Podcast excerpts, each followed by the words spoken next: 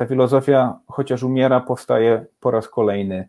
Problem akcji zbiorowej, bez wątpienia, jak staram się przekazać moim studentom, jest głównym i naczelnym problemem życia polityczno-społecznego. Ten problem sprowadza się do prostego paradoksu, mianowicie do pytania, dlaczego ludzie nie robią tego, co jest w ich wspólnym interesie. Wydawać by się można, że jeżeli ludzie mają wspólny interes, to będą się organizować, będą działać właśnie w tym wspólnym interesie, żeby każda z zainteresowanych y, osób mogła na takiej akcji skorzystać. Natomiast no, zbyt wiele jest przykładów, żeby tutaj y, wymieniać. Tak się nie dzieje, y, a przynajmniej nie dzieje się tak często, jak, jak powinno się dziać. Jednym z takich moich ulubionych przykładów jest chociażby problem czesnego w Ameryce. Czesne czy opłaty studenckie, które są e, astronomicznie wysokie na prywatnych uczelniach i publicznych uczelniach również amerykańskich, są dużą, dużą barierą dla studentów, żeby iść na studia, bo, bo nie każdego stać, a tych, co stać, to później muszą walczyć z długiem. W interesie studentów jest, żeby te opłaty były jak najmniejsze, żeby one były redukowane, natomiast nie ma grupy lobbyingowej, nie ma grupy, która by aktywnie promowała mniejsze składki, mniejsze czesne dla studentów amerykańskich. Przecież to jest duża grupa zbiorowa. Dlaczego oni się nie organizują? Dlaczego oni nie robią tego, co jest w ich wspólnym interesie? Tak, czyli ten paradoks jest bardzo, bardzo powszechny w życiu społecznym, w życiu politycznym i tak de facto jest to problem koordynacji, czyli jak kilka lub kilkanaście lub kilkadziesiąt osób lub jeszcze więcej może koordynować między sobą rozwiązania, które będą przydatne dla nich wszystkich. Odpowiedź na to pytanie e, frapowała już wielkich filozofów tego świata, frapowała ich od wielu, wielu lat i nadal ich frapuje. My dzisiaj spróbujemy odpowiedzieć na to pytanie, ale już Thomas Hobbes, który napisał taką słynną książkę Lewiatan, serdecznie polecam, próbował odpowiedzieć na ten problem. Jego odpowiedź wciąż aktualna, nadal ważna, będzie dzisiaj omawiana pod koniec naszej prezentacji.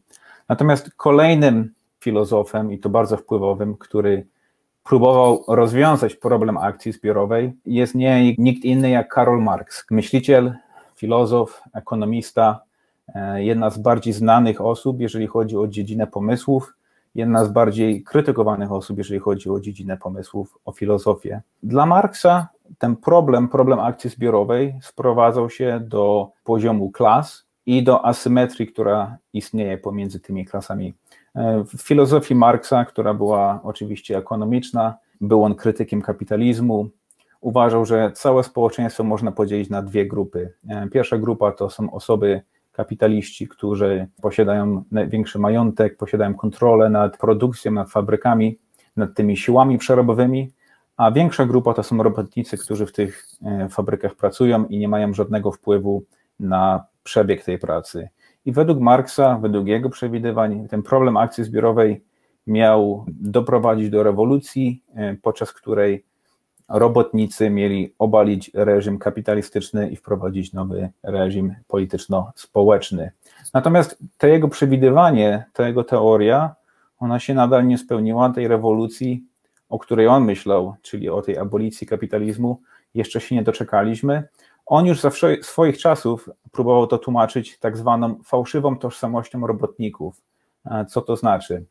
Znaczy to tyle, że według Marksa te osoby, czyli ci pracownicy tych wszystkich fabryk, tych wszystkich firm, oni jeszcze nie wiedzieli, jak bardzo są wykorzystywani, i on w ten sposób tłumaczył brak akcji zbiorowej e, na tamte czasy. Natomiast tutaj warto małą dygresję zrobić, bo jak przygotowywałem się do tego małego wykładziku, no temat marksizmu jest bardzo polaryzujący i tutaj nasuwa się podstawowe pytanie, bo, bo Marks napisał bardzo wiele rzeczy, wiele z nich okazało się niespełnionych, ale on nadal jest czytany, on nadal jest brany na poważnie przez wielu, wielu osób i chyba największy ekonomista ostatniego stulecia, Joseph Schumpeter, e, napisał słynną książkę Kapitalizm, Socjalizm i Demokracja, w której między innymi bierze na tapetę Karola Marksa i jego myśl.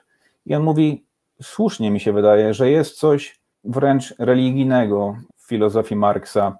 Ta filozofia, chociaż umiera, powstaje po raz kolejny. I on jako pierwszy poćwiartował Marksa i jego, jego myśl na, na różne części, na myśl socjologiczną, na myśl religijną i na myśl ekonomiczną między innymi. i próbował pokazać, co jest dobre, a co jest złe w tej filozofii. I wydaje mi się, że w tym kierunku poszło wielu innych filozofów, chociażby najwięksi i najwybitniejsi polscy logicy, Leszek Kołakowski i Wolniewicz i Bogusław Wolniewicz, którzy zresztą bardzo sympatyczni byli, jeżeli chodzi o filozofię marksizmu, przynajmniej we wczesnych latach swojej intelektualnej podróży. Później tą myśl porzucili. Kołakowski zresztą napisał główne nurty marksizmu, które były ostateczną weryfikacją pomysłów Marksa i dlaczego one są nieostateczne, dlaczego między innymi nie rozwiązują problemu zbiorowej akcji. Ale marksizm jest, jest tak silny, że on na dzisiaj pozostaje jednym z głównych nurtów, który próbuje na ten problem odpowiedzieć. Nawet przesiąknął on e, w sfery Kościoła katolickiego, a głównym oponentem tej myśli w Kościele był nie nikt inny jak Józef Ratzinger, papież Benedykt XVI, który tak ostro pisał o tak zwanej teologii wyzwolenia, która w krajach Ameryki Łacińskiej.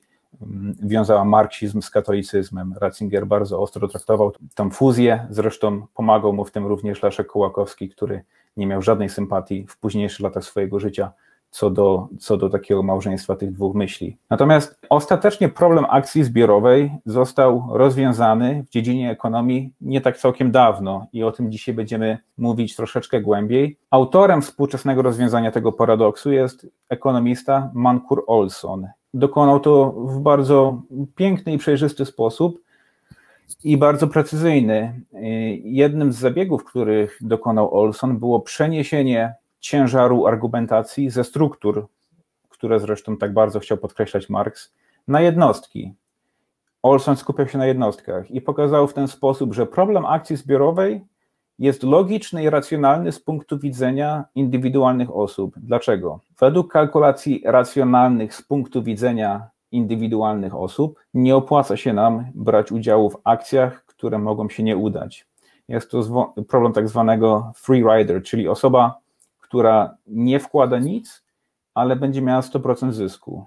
Mówiąc inaczej, jeżeli jest jakaś inicjatywa, jakaś akcja, ja mogę w niej brać udział, mogę w niej nie brać udziału.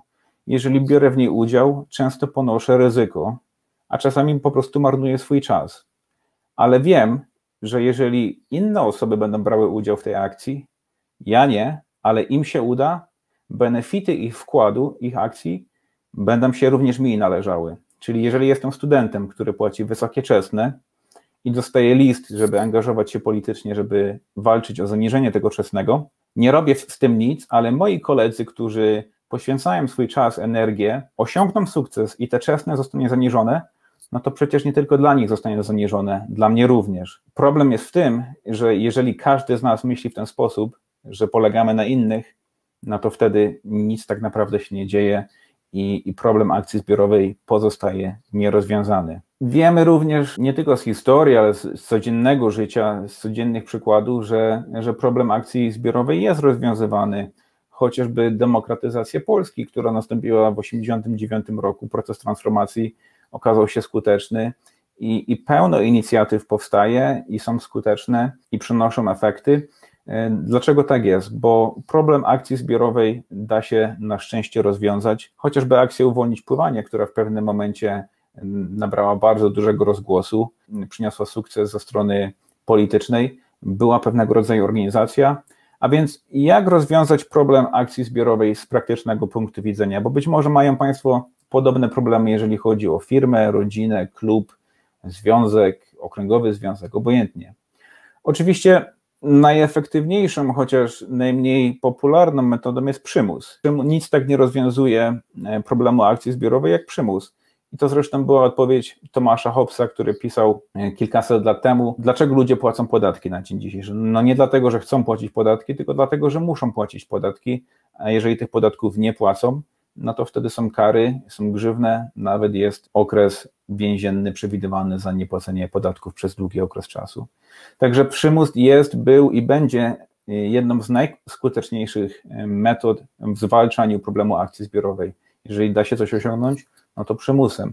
Oczywiście problem z przymusem polega na tym, że żyjemy w kraju demokratycznym i przymus w kraju demokratycznym musi być ograniczony są sfery życia społecznego, które regulowane są przymusem, ale w większości przypadków to, czy bierzemy w czymś udział, czy nie, jest naszym wyborem i nie może być tak, że jesteśmy do czegoś zmuszani, na przykład do pływania, czy do udziału w jakiejś paradzie, czy bycia członkiem jakiegoś klubu. Także przymus w demokracji ma bardzo ograniczone znaczenie i on nie może być nieograniczony. Drugim sposobem jest tak zwana apelacja czy przyciąganie, po prostu ważność sprawy. Tak? Im bardziej ważna sprawa, tym większa mobilizacja wśród środowiska, które jest pod wpływem właśnie tego tematu. I tutaj chciałbym nawiązać, to są bezpośrednie badania, które ja prowadzę właśnie ze strony naukowej.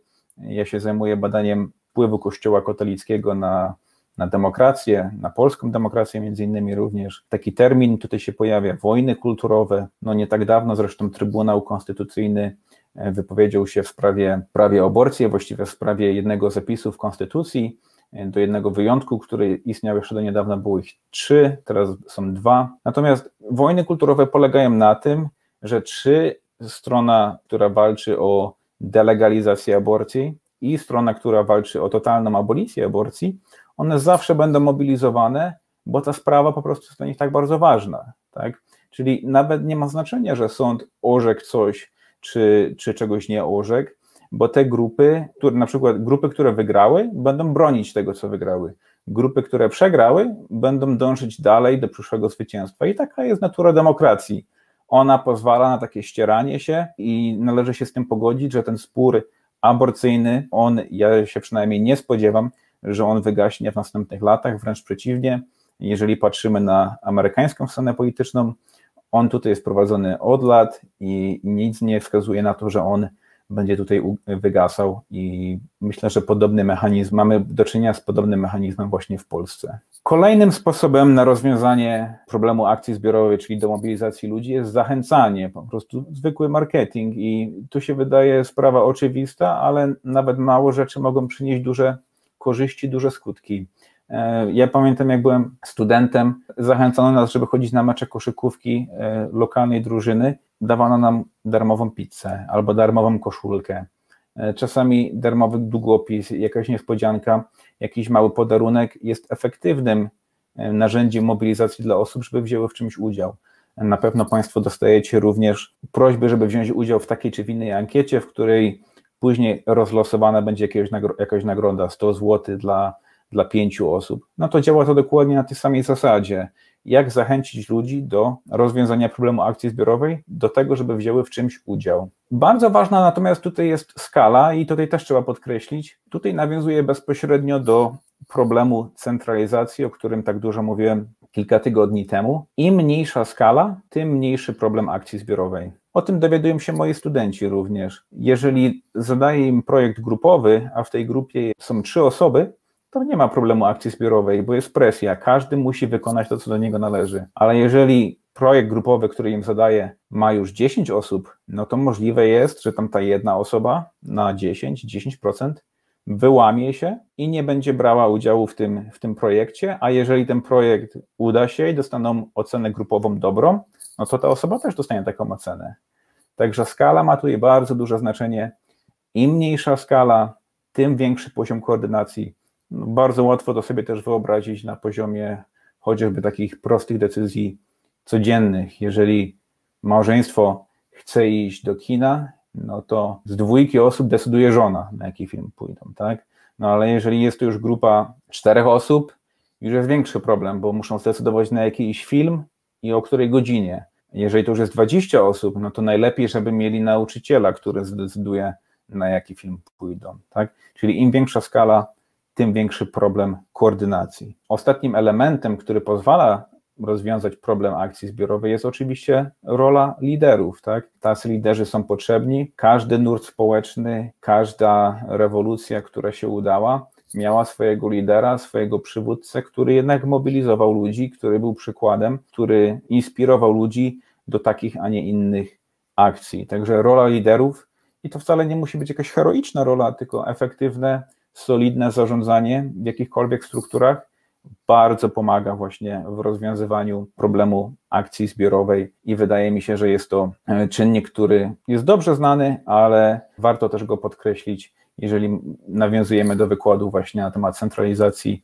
i etyki wśród liderów życia polityczno-społecznego.